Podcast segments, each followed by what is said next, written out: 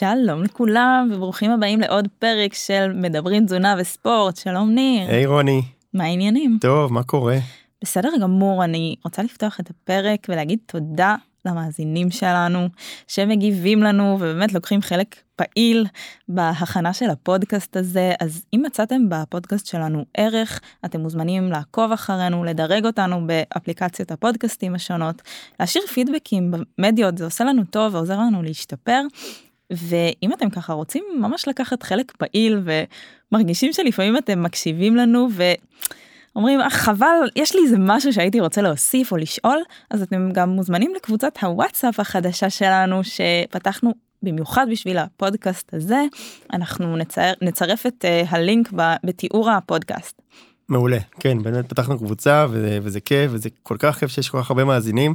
לא האמנו שזה יתפוס כל כך חזק ואתם לא רואים אחד את השני כי אתם מאזינים בסוף אבל אני אומר לכם שיש באמת המון האזנות וזה באמת כיף ותענוג. זו גם אה, קבוצה שקטה ניר מאוד אה, קשוח ש... בקטע הזה אה, ממש רק לענייני פודקאסט רק המנהלים יכולים לכתוב ויש אנחנו פותחים אותה לשעות מספר שעות מוגבל לשאלת שאלות וכאלה. כן וחוץ מזה אנחנו זמינים דרך אגב יש שם פשוט את הטלפונים שלנו ואם באמת יש לכם משהו לשאול או להתייעץ אני חושב שאנחנו עושים את זה באהבה ובכיף. טוב אז גם בפרק הזה יש לנו חסות איזה כיף Uh, הפרק בחסות ויבו מיקס זה פרוביוטיקה משמונה זנים שונים ו450 מיליארד חיידקים חיים. נכון שיש הבדל בין חיידקים חיים לחיידקים ממותים וזה באמת uh, פרוביוטיקה שמגיעה בקירור ויש באמת אנשים שזה עוזר להם אז uh, מוזמנים לנסות. אז תודה רבה לויבו מיקס שעוזרים לנו להנגיש את המידע החשוב הזה וליצור שיח על uh, תזונה ספורט ואורח חיים בריא. Uh, הפרק של היום זה הולך להיות פרק על מיתוסים ולא לא התבלבלנו נכון שהיה פרק כזה בעבר אבל יש כל כך הרבה מיתוסים אז uh, אני וניר החלטנו שאחת לאיזושהי תקופה אנחנו נבחר כמה אמונות חצאי אמיתות מסקנות שגויות שאנחנו הולכים uh, לדבר עליהם uh, ולהפריח אותם ממש כאן בפרק. תחום התזונה והספורט הוא תחום שגדוש מאוד בהרבה הנחות שלא ממש תואמות את המציאות. יש המון סיבות להיווצרות המיתוסים, אה, למשל מחקר שהוא לא איכותי מספיק שיוצר כותרות ויעדים גדולים. אה, יש אנשים שהם לא אנשי מקצוע והם מפרשים דברים דרך עיניהם הצרה, כלומר, לא בהכרח שקרנים או שרלטנים, אבל יכול להיות שפשוט לא, לא מבינים את התחום כן. עד הסוף. אה, יש ניסיון לתת הסברים לדברים גדולים ומורכבים ש, שלא תמיד אנחנו יודעים איך להסביר אותם. ויש מה שנקרא כשלים לוגיים, זאת אומרת אה, הסקת מסקנות מוטעית. לפעמים כשיש משהו שאנחנו לא יודעים את התשובה עליו או שהמנגנון מסובך מדי, באופן מאוד מאוד טבעי ואנושי אנחנו פשוט מפשטים את זה ועצם הפשטנות הזאת לפעמים יוצרת uh, הסקת מסקנות שהיא שגויה. לגמרי ולפעמים זה פשוט מגיע איזה משהו שאנשים עובדים יותר מתחושת בטן ומרגיש לי נכון או נראה לי שככה זה עובד. או ניסיתי או לשכנה שלי זה עבד זה גם אה, סיבה שדרכה אנחנו אה, מוצאים הרבה מאוד מיתוסים. כן זה מאוד שכיח ולפעמים זה באמת עבד ובאמת יכול להיות שלפעמים באמת זה עשה טוב אבל לא תמיד הסיבה והתוצאה הם באמת מחוברים. ויכול להיות שבאמת אה, שמענו וראינו משהו כזה יש משהו בעולם התזונה שהוא באמת אה, מרתק איך הוא מתפתח גם מאוד מהר וגם אנחנו צריכים להדביק איזה פערים כאלה של בין מיתוסים לבין לפעמים באמת דברים שיכולים לעשות גם נזק ו... ולפעמים שטויות שאנשים אומרים. נכון אני חושבת שיש אה, שילוב בין זה העובדה שזה מדע יחסית חדש בהשוואה לכל מיני תחומים אחרים. אמ, זה שהוא הפיקוח עליו הוא מוגבל זאת אומרת זה לא תרופות זה אוכל זה דברים שאנחנו יכולים להשתמש בהם באופן יומיומי. מאוד קשה לחקור את העולם של התזונה לחפש סיבה ותוצאה מאוד מאוד קשה אה, ומאתגר מאוד. אה, וגם השאלה גם מה המטרה והשאלה אם זה באמת אם עכשיו אכלתי יותר אה, לא יודע מה בשר או יותר טופו או משהו אחר השאלה אם זה גרם לי בהכרח למשהו מיידית או גרם לי למשהו לעוד בעוד כמה שנים זה מאוד מתעתע ומבלבל והתחושות בטן הם. חזקות מאוד כאן. מאוד. קיצור, יש סוף סיבות למה אותם מיתוסים אה, מציפים את הרשת, מדירים שינה מעינינו, ולפעמים גורמים לנו להימנע ממחלים שאנחנו אוהבים, או להוציא כספים מיותרים, או סתם לטעות. ובדיוק בשביל זה אנחנו כאן היום, כדי לספר לכם מה המדע יודע ואילו דאגות אפשר להסיר מליבנו. אני מסכים ואני חושב שעדיין אנחנו צריכים להיות מאוד צנועים זאת אומרת גם דברים. שאנחנו אומרים עכשיו אנחנו לא יודעים הכל ויש משפט כזה שהוא קצת מרגיז אבל מה שנקרא רב הנסתר על הגלוי או מולטי פקטוריאלי וכל מיני דברים כאלה אז נהיה, ננסה להיות יותר מדויקים אבל גם אנחנו ממש לא יודעים את הכל והמדע הזה מתפתח אבל יאללה בוא נקפוץ לפרק. נכון, גם אה, אני חושבת שמי שלומד אה, תזונה או מדע באופן כללי, ככל שאתה יודע יותר, אתה מבין כמה אתה לא יודע למעשה, אז אה, נכון יש אפק, אפקט כזה שנקרא אפקט דנין קרוגר לא יודע אם הזכרנו אותו אי פעם אפקט דנין קרוגר אומר שבעצם ככל שאתה יודע יותר אתה מבין שאתה לא יודע ואתה באמת מפחד לטפל וההפך שהוא יותר מדאיג ככל שאתה לא יודע אתה לא מבין כמה שאתה לא יודע ואז יותר קל לך להגיד דברים או לטפל באנשים והרבה מאוד אנשים אה, חוטאים בזה הם פשוט לא מבינים כמה הם לא מבינים וקל להם מאוד לייעץ ולתת אה, המלצות כאלה ואחרות וזה אנחנו מתמודדים המון ואנשים שבאמת יודעים חוששים לפעמים כי הפחד מהנזק והסיכון ומה יקרה אם תיקחו או תעשו הוא מאוד מלחיץ את הרבה מאוד אנשים שמטפלים ובצדק. עד רמה שבאמת אפילו מונע מאנשים להיות אה, מטפלים מהמם. אה, זה אפ- אפקט שנחקר אוקיי זה שני חוקרים פסיכולוגים דנינג וקרוגר שחקרו את הנושא הזה טוב, אז אה, שנתחיל. לגמרי. הנושא הראשון של היום זה שורפי שומנים. מה יש לך להגיד לנו על זה, ניר? קודם כל זה מאוד סקסי זה נשמע מאוד מגניב מין כותרת מפוצצת. כן אז הרבה מדברים על שורפי שומנים וזה גם אפילו נמכר אה, בכמויות די גבוהות גם בארץ וגם בחול לצערי. אני חושב שצריך להתחיל ולהגיד קודם כל ששומן זה דבר טוב ובריא וטוב שיש לנו גם שומן טבעי. באוכל. מעולה וגם שיש לנו שומן בגוף ואנחנו צריכים את זה ואנחנו רצוי שהוא יהיה שם.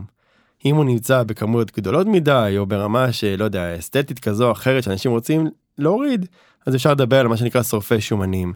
וגם פה צריך לחלק את זה לשתיים לאלה שהם לא חוקיים לאלה שהם על פניו חוקיים. יש המון רכיבים שנמדדים ונחקרים בעולם הזה של אה, מה שנקרא במרכאות שורפי שומנים אבל צריך להבין בשביל לרדת במשקל אנחנו צריכים כמה דברים שיקרו או שבאמת ה-RMR הקצב קילוף חומרים שלנו יעלה וזה מה שהשורפי שומנים אולי יעשו זאת אומרת שהקצב שלנו ביום יום על פניו יעלה הדופק יעלה לחץ דם יעלה משהו יעלה ובעצם הגוף יעבוד יותר קשה. אופציה אחרת שבעצם האוכל שאנחנו אוכלים הוא לא ייספג וייצא בשירותים. וגם זה צריך להבין שיש סיכון אם אכלתי עכשיו אבוקדו או שמן זית או אגוזים וזה שומן בריא והוא נכנס פנימה לגוף או לא חשוב פחמימה בריאה או לא בריאה והכנסתי פנימה וזה לא ייספג אז אני מפספס, אני מפספס אה, צרכים תזונתיים. כן. ויטמינים מינרלים רכיבים בדיוק אז או שמשהו עולה הקצב עולה או שהספיגה יורדת. אה, זה בדרך כלל מה שצריך לקרות או שאני באמת יוריד את התיאבון.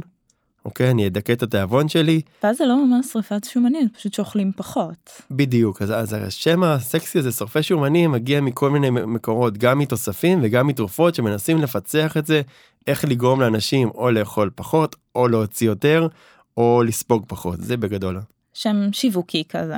מאוד מאוד. ואז צריך להבין שנחקרים המון מאוד אה, הרבה מאוד סליחה אה, חומרים. היחידים שהכי קרובים לזה זה אולי תה ירוק ואולי קפה. אם מראים איזשהו משהו מובהק זה בדרך כלל על עכברים ועל חולדות ששם נותנים בדרך כלל מינונים מאוד מאוד גבוהים ושעוברים לבני אדם זה פחות מוכח. ויותר מזה גם אם משהו מוכח וראינו שהורדנו עכשיו 100 גרם בחודש זה עדיין לא משהו שישנה באמת את, את החיים או את המשקל זאת אומרת לא כל תוצאה במחקר שהיא כן קלינית וכן מוכחת עדיין מובהקת ברמת היום יום לפרקטיקה. נכון, למשל בהקשר של אה, קפאין, אז באמת ברמת המחקר, ברמת המולקולה, הראו שזה אכן מגביר פירוק של תאי שומן. אבל בפועל שעשו מחקר אה, והשוו בין קבוצה שצרכה קפאין אל מול קבוצה שלא צרכה קפאין, לא ראו הבדל ברמת השומן, במסת השומן, הבדל מהותי בין שתי הקבוצות. ולכן זה שבתיאוריה הוא, יש לו פוטנציאל לשרפת שומנים לא הופך אותו לאיזשהו מקור להרזייה.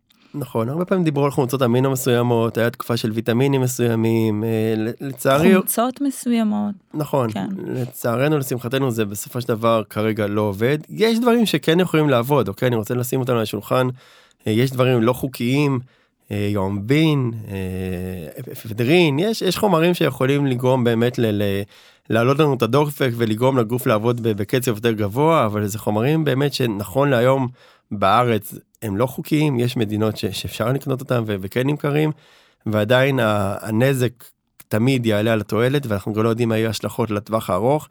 יש דברים שנמכרים גם בארץ, אוקיי? לא רוצה להגיד שמות, אבל זה נמכר, זה מאוד מאוד מגרה לקנות את זה, אה, אבל גם בני נוער שאני מאוד, כאילו עובד הרבה מאוד עם, עם האוכלוסייה הזאת, אני מאוד מנסה להרחיק אותם מכל התוספים המיותרים האלה. גם אנשים בריאים ובוגרים, אנחנו מנסים להרחיק אותם משם. הסיכון פשוט גדול מדי והמחקרים הם לא מספיק ארוכי טווח שנדע מה הנזקים. נכון, ומה שיצא מהחוק זה לא סתם, זאת אומרת, כנראה שהיו לו תופעות לוואי מאוד מאוד קשות, והיו, וגם חלק מהתרופות האלה גרמו למוות, היו מספר מקרים של מוות, וברגע שבוחרים להוציא תרופה עם בסוף פוטנציאל מאוד מאוד גדול למכירות ולכסף, הרי תרופה להרזייה זה כנראה משהו שיגלגל המון המון כסף, אם זה יצא מהחוק, כנראה שיש סיבה טובה לכך. אמ, יש היום תרופות להרזייה, אבל זאת אומרת זה לא ה... זה לא הדיון כרגע, כרגע אנחנו מדברים על איזה שהם תוספים, הם לא משווקים כתרופות, אה, שמתיימרים, בגדול מתיימרים אה, לעזור לנו בשריפת השומנים, והם לא, כנראה לא עוזרים, אולי הם עוזרים אה, לכיס של חברות בדיוק, בדיוק, אומר, בסופו של דבר זה כנראה בעיקר עוזר למי שמוכר את זה, ואנחנו פשוט בקליניקה אצלנו, זה כמובן כל מה שהוא אה, מסוכן או לא לא מועיל אז כמובן שזה לא יהיה שם. או מיותר באמת אה, כן. אוקיי בוא נדבר קצת על משהו אחר על משהו שנראה לי רוני אוהב לדבר קצת על מזון אורגני. אוקיי. אני חושב שכל הפרק הזה הוא מאוד אה, עם דברים שיווקיים זאת אומרת מיתוסים וטרנדים זה דברים שיש להם הרבה שם מאוד מפוצץ וכשיורדים לפרטים זה קצת יותר מתעתע אז מזון אורגני מבחינתי גם אותי זה מאוד מגרה.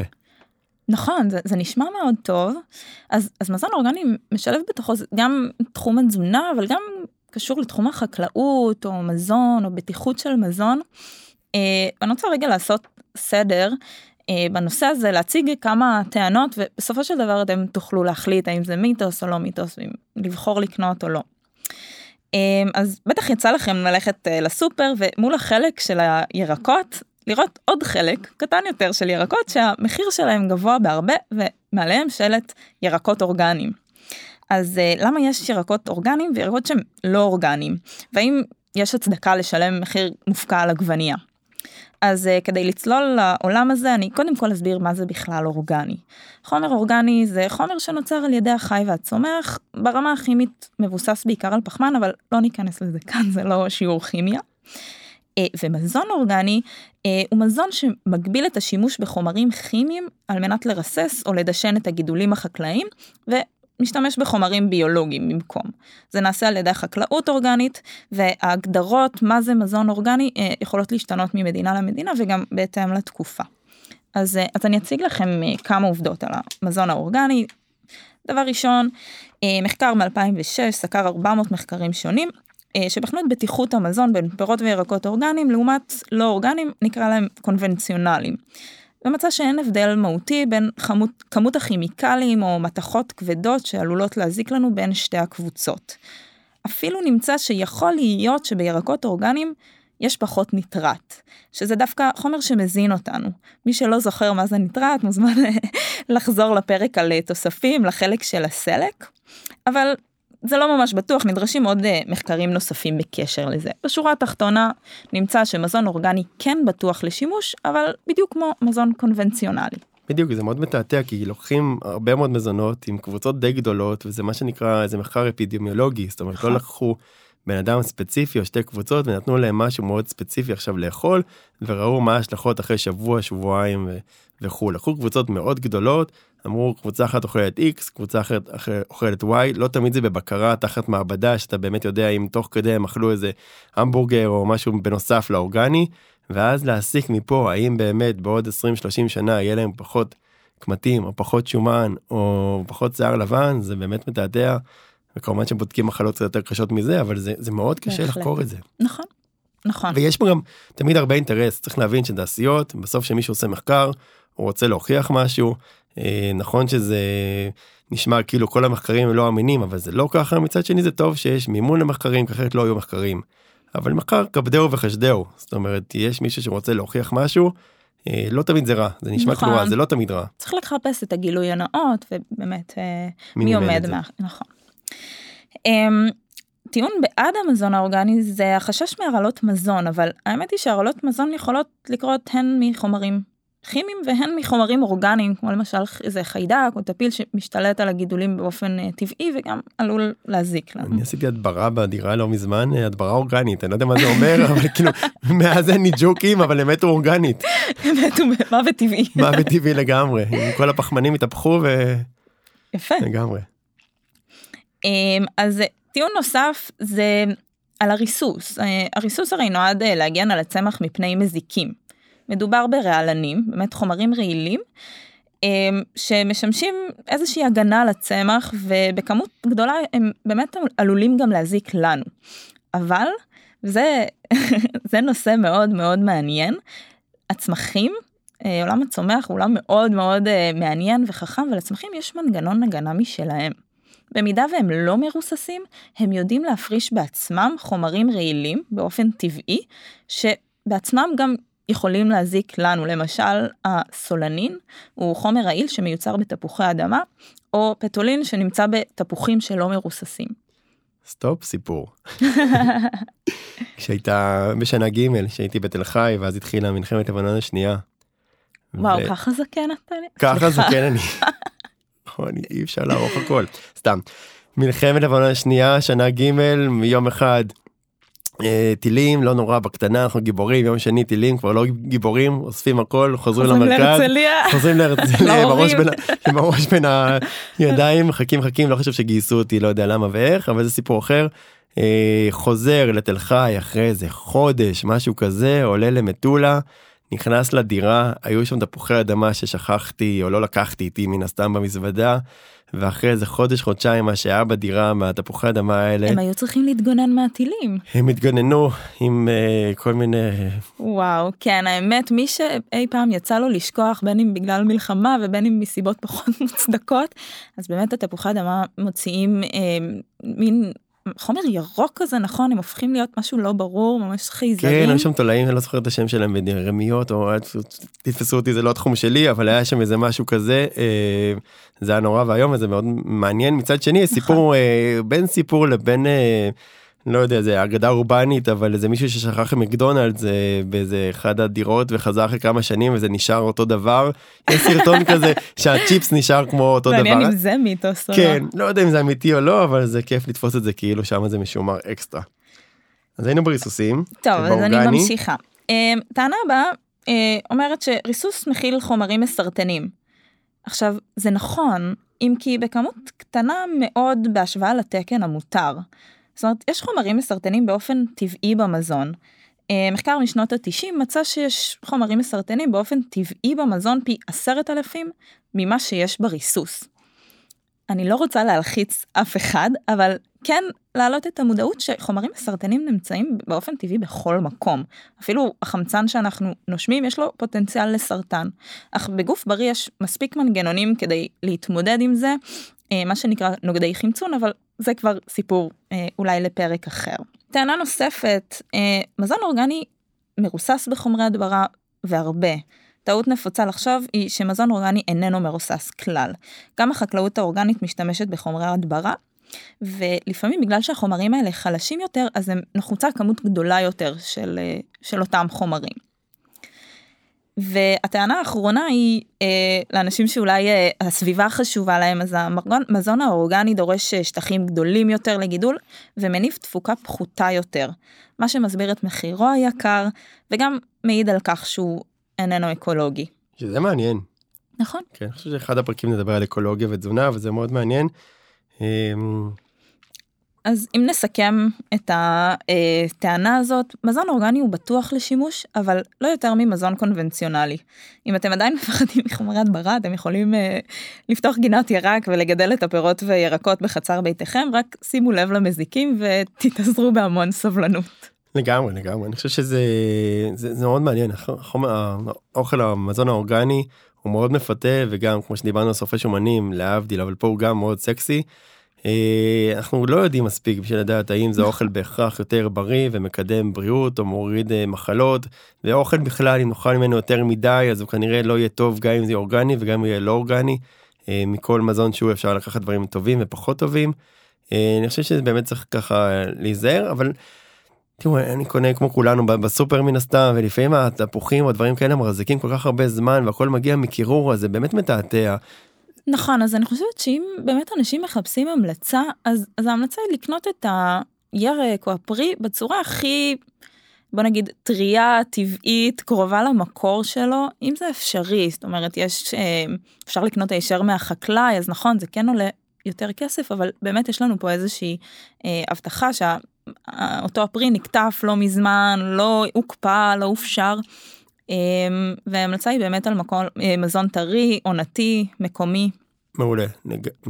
ממש, ואני אפילו אגיד סתם, אני אלך לשנה לכיוון אחר של מים, אוקיי? אישית, מאז שעשינו באמת בלימודים, ככה זה כן, 2006 סיימתי, שעשינו שם במעבדה, באמת לקחנו מלא אה, דוגמיות של מים במדינה באופן כללי, וראינו שהמים טובים לשימוש, ונכון שזה היה מזמן, אני יודע שעד היום יש ביקורות למים, אישית אני שותה מים מהברז, לא מים אורגניים ולא מים... אה, יש עכשיו עוד סוג חדש של מים חוץ ממים מינרליים יש מים אלקלינים עוד מעט יהיה טרנד כן. על הדבר הזה. אה, מים מהברז. אתה כבר צופה את הנולד. את הנולד תכף יהיה טרנד של מים כאלה אה, בסיסיים יותר זה נקרא. ושותה מהברז שנים נכון שיש מקומות שהמים פחות טעימים אולי אבל ברמה הזאת אוכל כמה שהוא אפשר להגיד טבעי. אם זה משק אוטרקי שמגדלים את, ה, את האוכל שלכם של עצמכם זה עוד יותר טוב אבל אוכל בארץ יחסית הוא סבבה נראה לי אני אומר את זה בהכללה. כן, הבעיה נכון, שלי עם אוכל גם... בחוץ עם ג'אנק עם אוכל שאתה יודע שהוא בהכרח מתועש ומעובד וכאלה אני לא חושב שהבעיה של פירות וירקות ואיזשהו אה, טיזר לאחר כך תכף נדבר על פירות ו- ו- וסוכר לא שם הבעיה. האמת היא שכן. אה, זה כבר הופך להיות איזשהו דיון פילוסופי כי לפעמים אנשים כל כך מפחדים מהריסוס ומהפירות והירקות אז טוב נלך לאכול איזה המבורגר ו... זאת אומרת עדיף לאכול את הירק אה, גם אם הוא קצת איבד מהערכים התזונתיים וגם אם הוא קצת הוקפא והופשר מאשר לא לאכול אותו בכלל. או לאכול סוכריות גומי או נחשי גומי שזה מה שקורה להרבה אנשים שמשווים בסוף איזה עוגה לאיזה משהו שהוא באמת יותר בריא. אה, וגם עוד נקודה זה הפכנו קצת להיות אודטה היום אבל אה, הטיפ של אודטה הטיפ של אודטה כן. זה באמת שמספיק לשטוף את זה במים אם אנחנו מדברים על ירקות ופירות לא צריך סבון ולא נכון. צריך לשפשף את זה שטיפה טובה של מים אם אפשר מים זורמים אחלה. נכון, גם, גם אנחנו לא יודעים הכל ולא מעורבים ברגולציה ולא תמיד יודעים מאיפה הגיע הפרי או הירק אז אולי באמת נעשה פרק על אה, בטיחות של מזון ובאמת נביא איזשהו איש מקצוע זה רעיון אה, לפרקים הבאים. טוב אז uh, עד כאן על מזון אורגני ובוא נדבר על uh, ויטמין C והאם הוא מונע הצטננות. כן אז זה מיתוס חצי מיתוס כי מצד אחד באמת ויטמין C הוא ויטמין שעוזר לנו אוקיי לבריאות ובכלל מרקמת השריר עד מערכת החיסון יש מלא דברים טובים שוויטמין C עושה אה, בגדול אני לגמרי בעדו צריך להבין אני חושב שגם הזכרנו את זה באחד הפרקים אה, לא צריך הרבה ממנו צריך בין 60 ל-70 ל-90 מיליגרם ליום אם זה אדם ככה בוגר זה לא כמות גדולה ממנו אפשר לקבל את זה בכל אה, תפוז או שתי עגבניות או כל פרי אדר. גמבה. בדיוק יש את זה די קל לקבל את זה מי שמקשיב לפרקים אוקיי? צריך לזכור שבפרק שדיברנו עם הגר זה, הפ... זה הוויטמין היחידי שמגיע מהצומח ואין בלבד, אותו בלבד נכון. בדיוק ואין אותו מהחי. אז הוא אחלה והוא בריא והוא חשוב ויש לו הרבה תפקידים גם ברמה, ברמה של הרקמות הרכות יותר. ברמת ההצטננות נכון להיום המחקרים לא מראים שהוא אה, מוריד הצטננות או מקצר את המשך של המחלה. אולי אולי אולי באיזה יום אחד שזה לא משהו שהוא דרמטי גם את זה די קשה לחקור. כן יש מחקרים על ספורטאי עילית בעיקר רוכבי אופניים בשיא שיא המעמד שנטלו ויטמין C בכמות יותר גדולה ושם אולי זה עזר זה לא רוב האוכלוסייה וזה לא מתאמנים של פעמיים 3 4 5 בשבוע. לרוב כמו שאמרנו צריכים בין 70 ל-90 מיליגרם רוב הכדורים שנמכרים היום זה בדרך כלל 250 500 ובעיקר 1000 מיליגרם לרוב זה מיותר עודף של ויטמין C גם יכול לעשות נזקים אה, מאבנים לכליות לסיבוכים אחרים. לידי זה לגמרי מיותר תאכלו מגוון פירות ירקות אתם מגיעים לזה ממש בקלות. ברמת ההצטננות לא ראיתי ובאמת היה תקופה שאפרופו שנגים עשיתי איזה סמינר הצטננות ופופוליס וויטמין C וכל מה שקשור להצטננות וחיידקים של הצטננות וזה פשוט לא לא קורה. לא הוכיח את כן. עצמו. וירוסים, כן. נכון.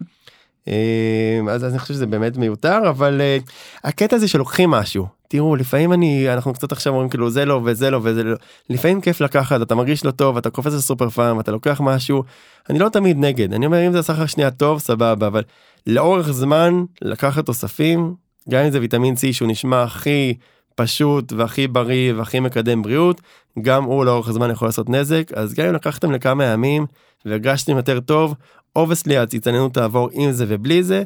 אין דיאט אם זה עשה לכם סבבה תיקחו אני לא חושב שזה אה, כזה מכיר את ההוא שהלך לרופא ואמר לו דוקטור אני מצונן אז הוא אמר "אה, עם תרופות זה יעבור תוך שבוע בלי תרופות זה יעבור תוך אה, שבעה ימים. בול לגמרי כן ואני אני ארחיב את ההערה של ניר ואומר שאין בפרק הזה שום המלצה או דעה גורפת זאת אומרת עולם המדע הוא דינמי הוא משתנה.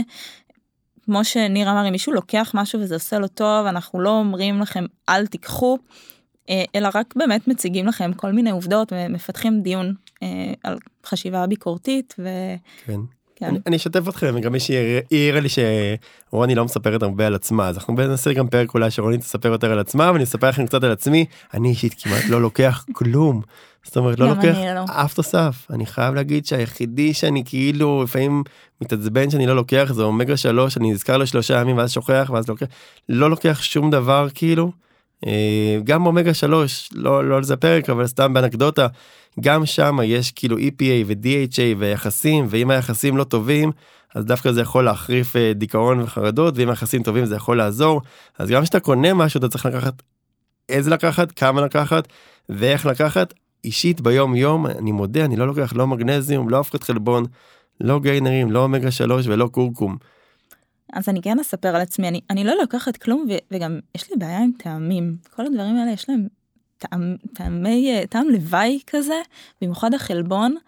ברמת הריח אפילו אני סולדת מזה ואני באמת בדעה של אה, קודם כל התזונה ושהתזונה באמת יכולה לספק לנו הכל באמת בהנחה ואנחנו בריאים. כן אבל כשאני מרגיש לא טוב אני נכנס בזה בכל הכוח זה יהיה מרק וירקות וזה יהיה סלט פירות ויהיה המון ירקות ופירות וחלבון ואני מודה שאו שזה בראש או שזה בגוף אני מתאושש מאוד מאוד מהר חמסה חמסה אה, כמעט ו- וחולי זה די רחוק ממני אה, אני לא זוכר מתי בשנה האחרונה בלי לפתוח את הפה. רק עצרתי. מזכירה לכם שניר סיים, סיים תואר במלחמת לבנון השנייה, תחשבו לבד. אה, טוב, אפרופו ויטמין C, שמעת שמים ולימון אה, עוזרים בכל אה, תחומי החיים? לגמרי. אז, אז עמית הסבה שלנו באמת על אה, מים ולימון. אני לא ממש יודעת מאיפה הגיעה הטענה שמים עם לימון ובמיוחד על הבוקר יכולים לעשות דברים מופלאים. שמעתי כבר מגוון טענות שזה ימנע אבני כליה, אה, ישפר את בריאות העור, יעזור לנו להיות יפים יותר וצעירים יותר, ינקה רעלים מה, אה, ממערכת העיכול ויגדיל שרירים ו- ורק חסר שזה עושה שלום עולמי, באמת. אז אה, בואו רגע באמת נתייחס לטיעון, שלא, שלא תטעו.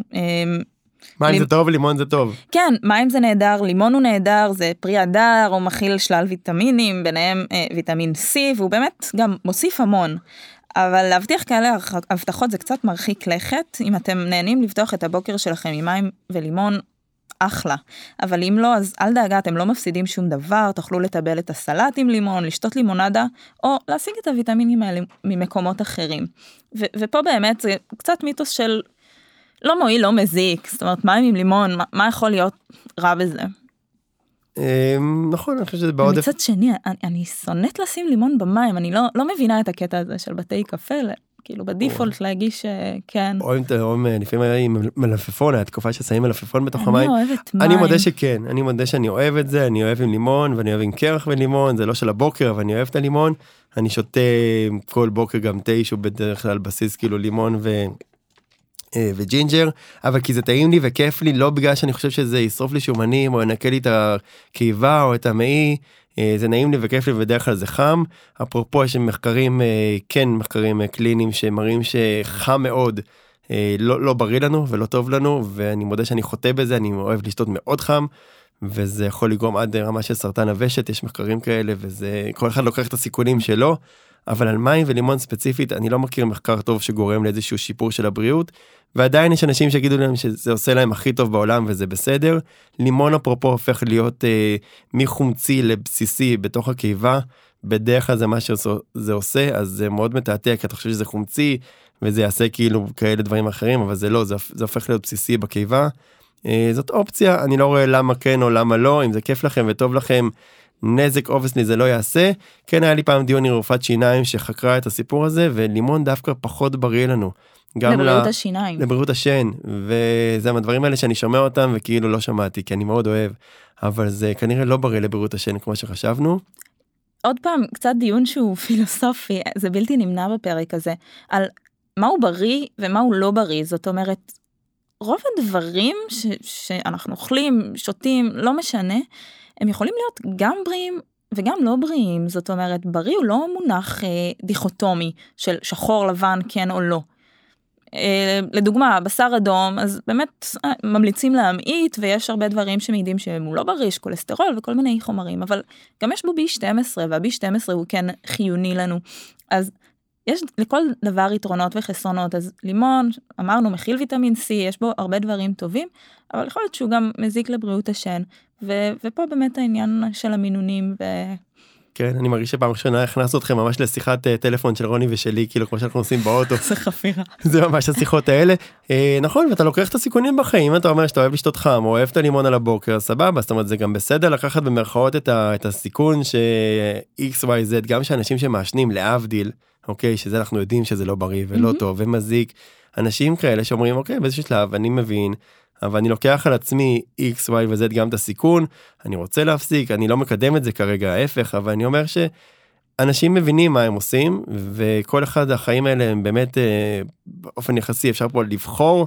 אה, רצינו גם לדבר על זה קצת בפרק של הגר על הטבעונות והצמחונות, יש פה בחירה, אם מישהו עושה לו טוב צמחונות או טבעונות, או לעשן, או חומץ עוד שנייה, או לימון, סך הכל זה בסדר. אמ, נכון, ומעבר ללקיחת סיכונים, אז אני חושבת שההתעסקות כל הזמן במה בריא או לא בריא, היא יכולה ליצור איזושהי התעסקות יתר, להגביר הפחדה, חרדה, היפוכונדריה, והרבה פעמים חבל. זאת אומרת, אנחנו לא באמת יודעים מה יכול לקרות ומה יגרום למה, וכשמדובר באוכל, בתזונה, אז, אז באמת, אם אנחנו מקיימים את הכללים היחסית פשוטים, ירקות, פירות, אלו דברים ש... בסופו של דבר מטיבים עם הבריאות שלנו, אבל אם נימנע בגלל כל מיני חששות שאולי נמצא משהו, אז אנחנו יכולים לא לצאת מזה.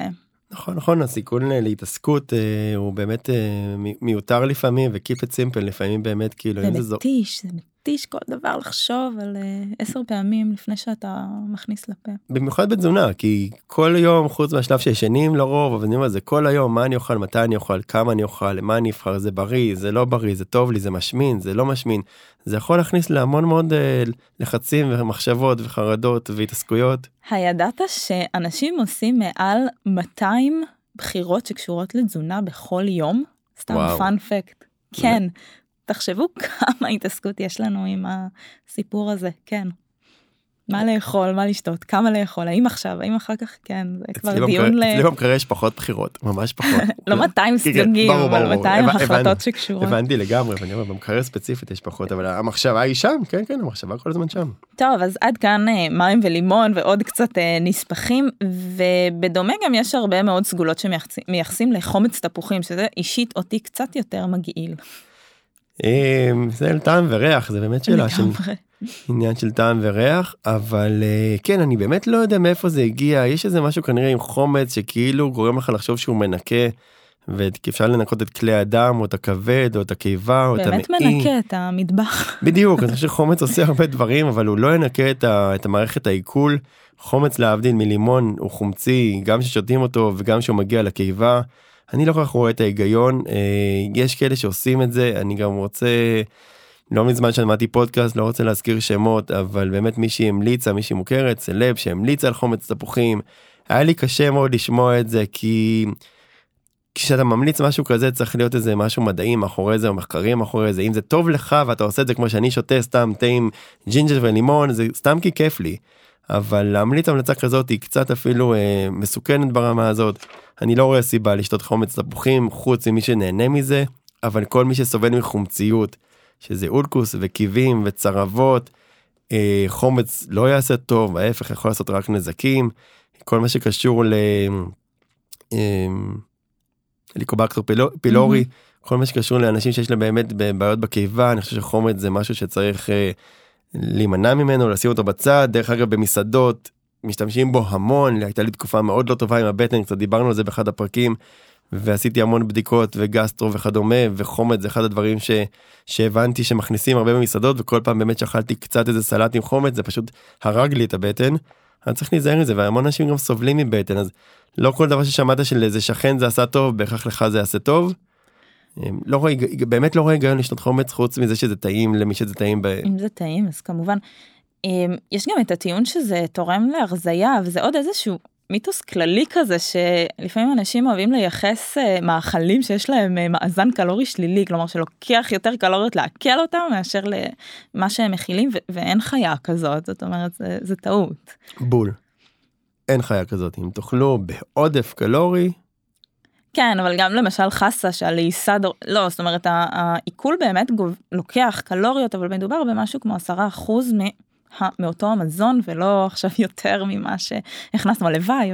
כן זה לא יקרה, לא, לא עם חסה, לא קולורבי, לא עם שום ירק ירוק, בסוף אין, אין אוכל שהוא מרזה, אוקיי זה לא יקרה. אה, זה חוזר לשורפי שומנים אז לא את זה בודקים. טוב, שנעבור למיתוס הבא. כן. פירות? טבעי זה בריא. טבעי זה בריא? יאללה. טבעי זה בריא.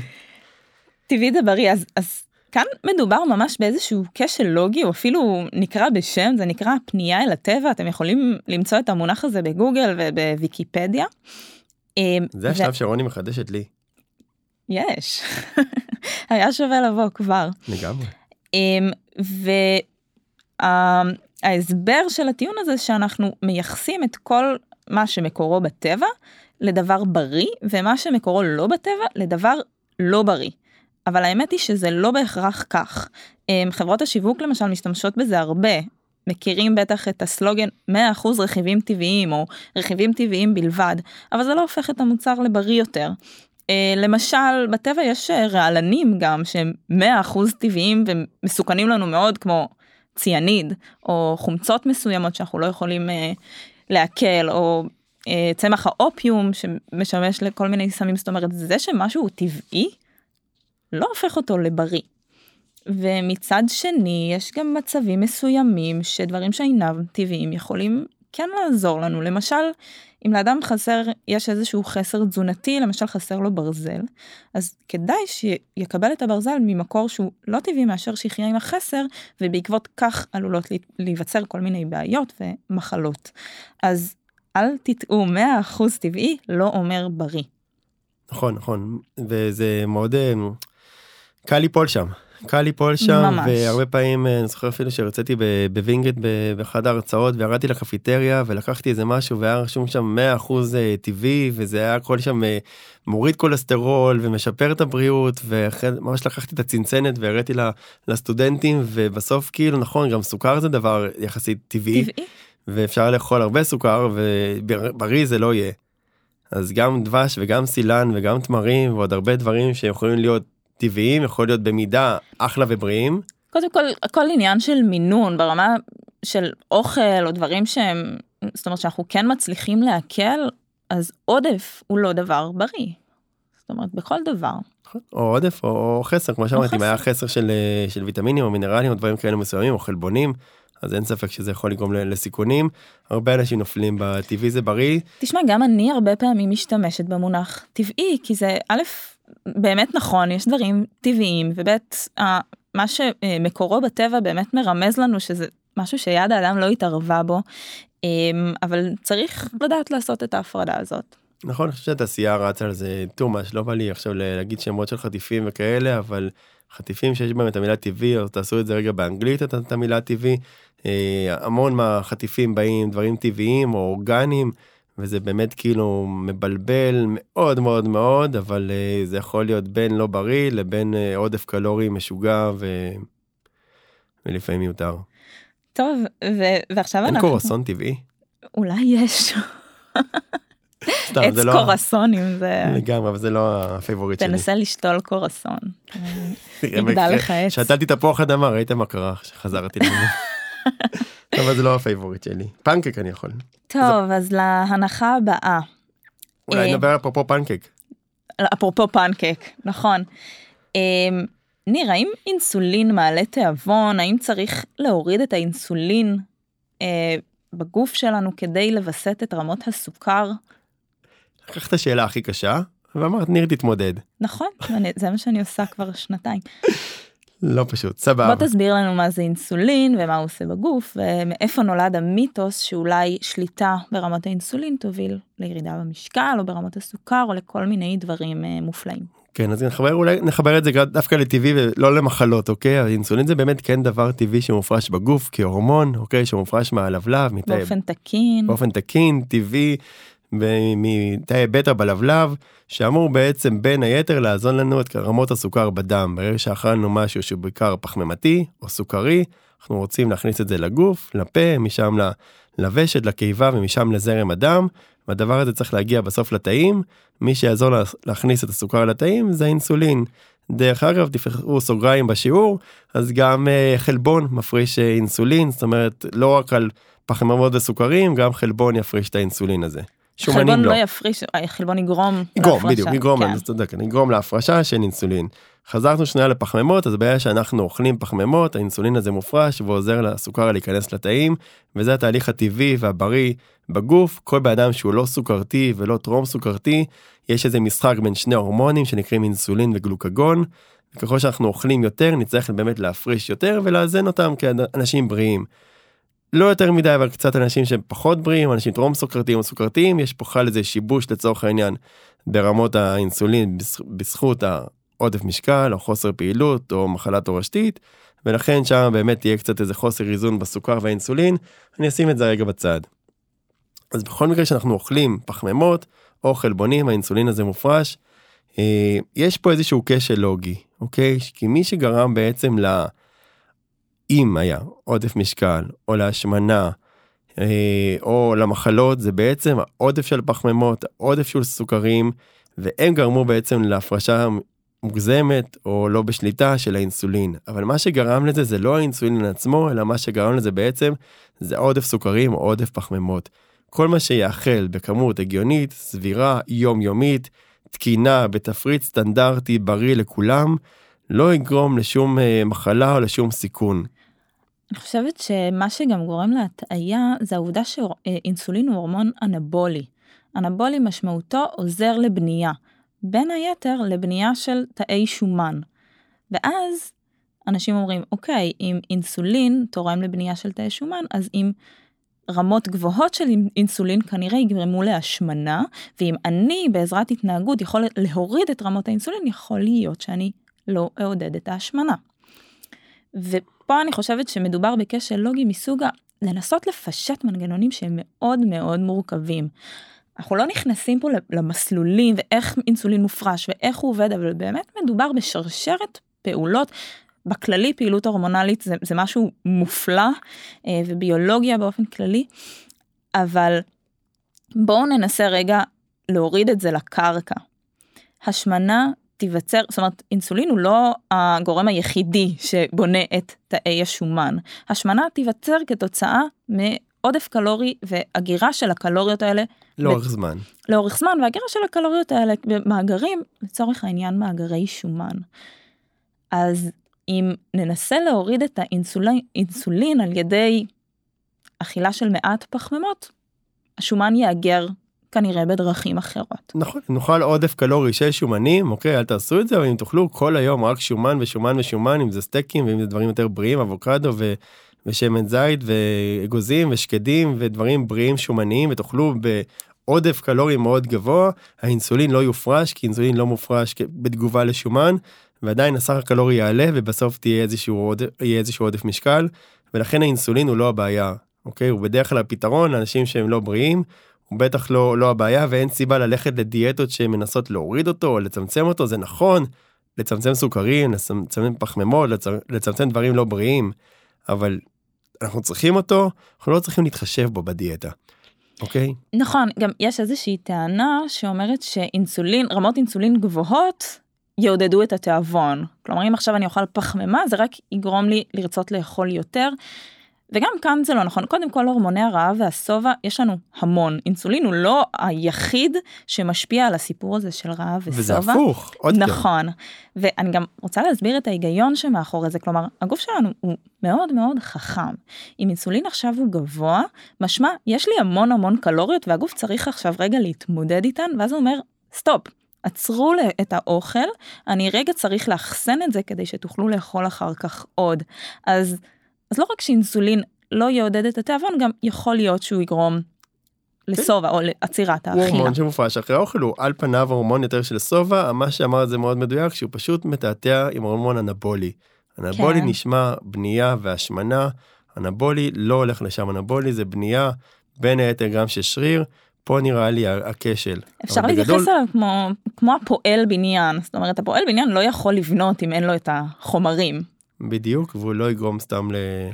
לקריסה או למשהו לא בריא כזה או אחר, אה, הוא יותר הורמון שובע מאשר רעב. אני חושבת שלאדם בריא פשוט ההתעסקות עם רמות האינסולין היא מיותרת, אינסולין עורד, עולה במהלך היום, הוא יורד במהלך היום, הסוכר עולה במהלך היום, הוא יורד, וזאת פעילות טבעית ותקינה של הגוף, אין לנו צורך לנסות לשלוט בזה. אני מסכים, אני טיפה להסתייג, אני חושב שהבינג'ים, הבולמוסים של הרבה, לא מדבר ספציפית על הפרעות אכילה, אלא כמויות היסטריות של סוכר.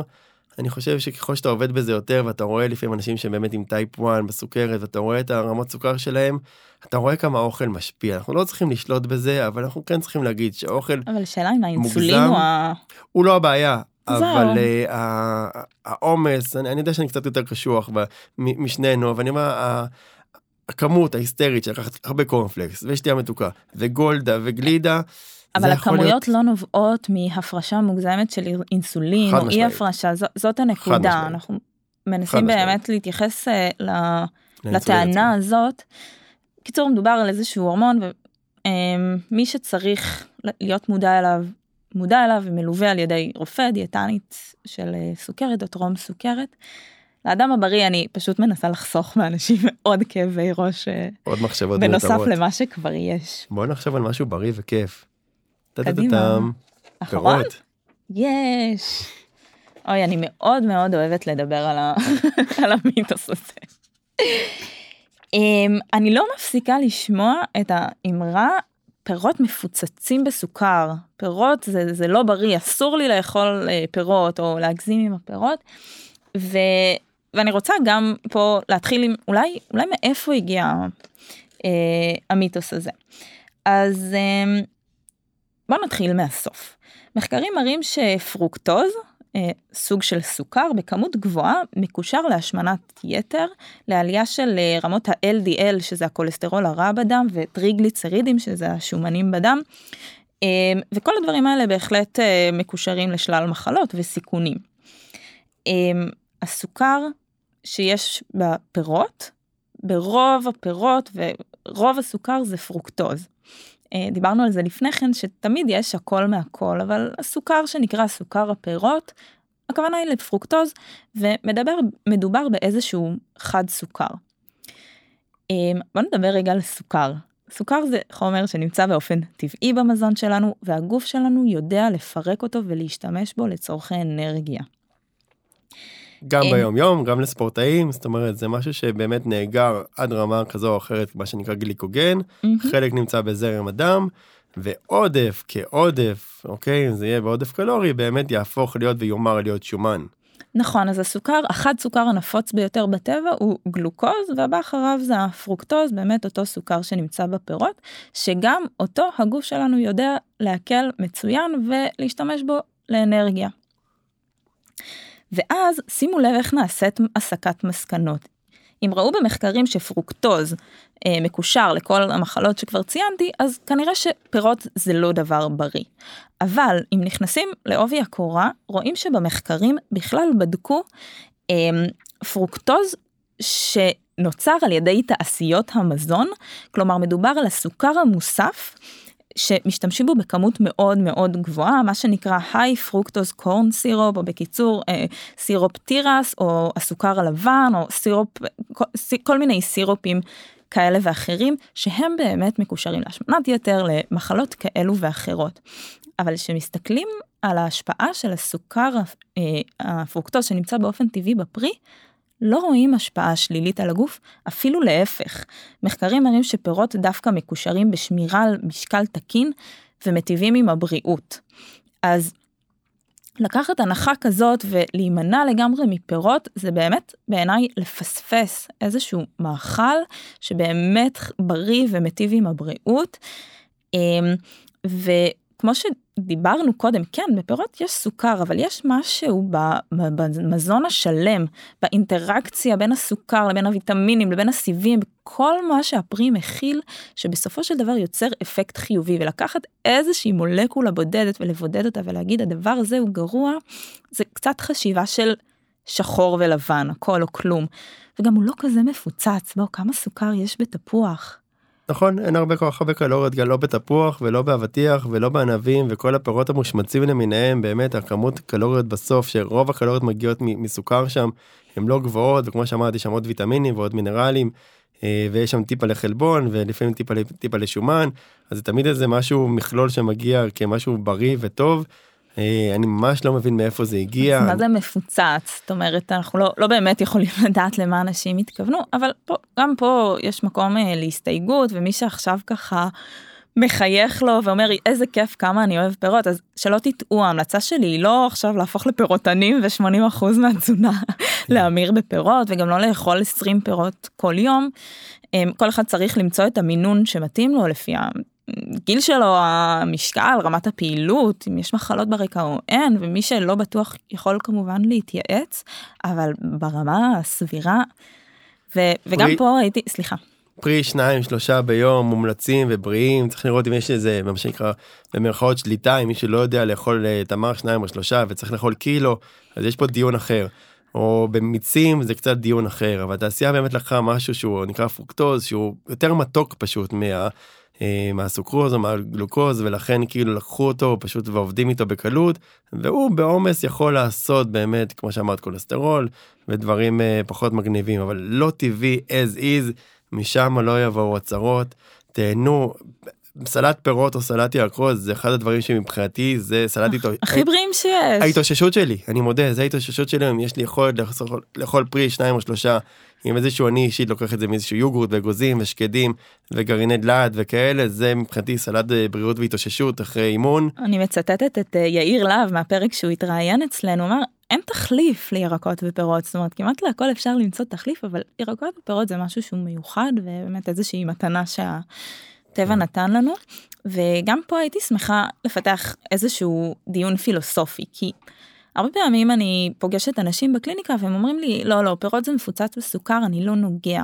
אבל אז שאני ככה ממשיכה לתשאל אז הם אומרים לפעמים יש לי איזה חשק נורא למתוק או איזה craving ואני הולך ואוכל שוקולד או גלידה או ממתקי גומי ו... ופה אני אומרת כאילו. זה לא בהשוואה. לב, כן שימו לב אתה מצד אחד נמנע מפירות כי זה מפוצץ סוכר אבל מצד שני ברגעים של חוסר שליטה אתה דווקא בוחר את מה שכן.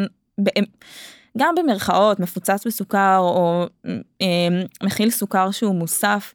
יכול להיות שהפרי כן יסגור לך לפעמים את הצורך במתוק לפעמים יש צורך לגלידה וזה גם בסדר אבל אם באופן גורף אנחנו נמנעים מהמתוק של הפרי אז אנחנו כן פותחים דלתות לדברים אחרים וזה שוב זה לא מדעי זה ברמה הפילוסופית זה קצת שיתוף באמת מהרגלים מאנשים. כן. זה לא תחליף לאוכל ארוחה לשובע כזה אבל באמת אין תחליף לפירות וירקות, ואם יש המלצה אחת שהיא באמת קונצנזוס, בריאה, מושכלת ונכונה, היא באמת אה, פירות, ירקות, אתם רוצים שתשטפו את זה במים, מי שרוצה אורגני ולבזבז עוד קצת כסף מוזמן, אבל אה, באמת אה, אין צורך. נכון. מעולה, אני חושב שבאמת דיברנו על הרבה מיתוסים וכל פעם שאנחנו מכינים פרק של מיתוסים אנחנו רואים עוד כמה יש עוד מיתוסים ועוד מיתוסים. כן אחת לתקופה אנחנו נעשה איזשהו בריף כזה על כמה שיהיו ככה כוכבים עולים.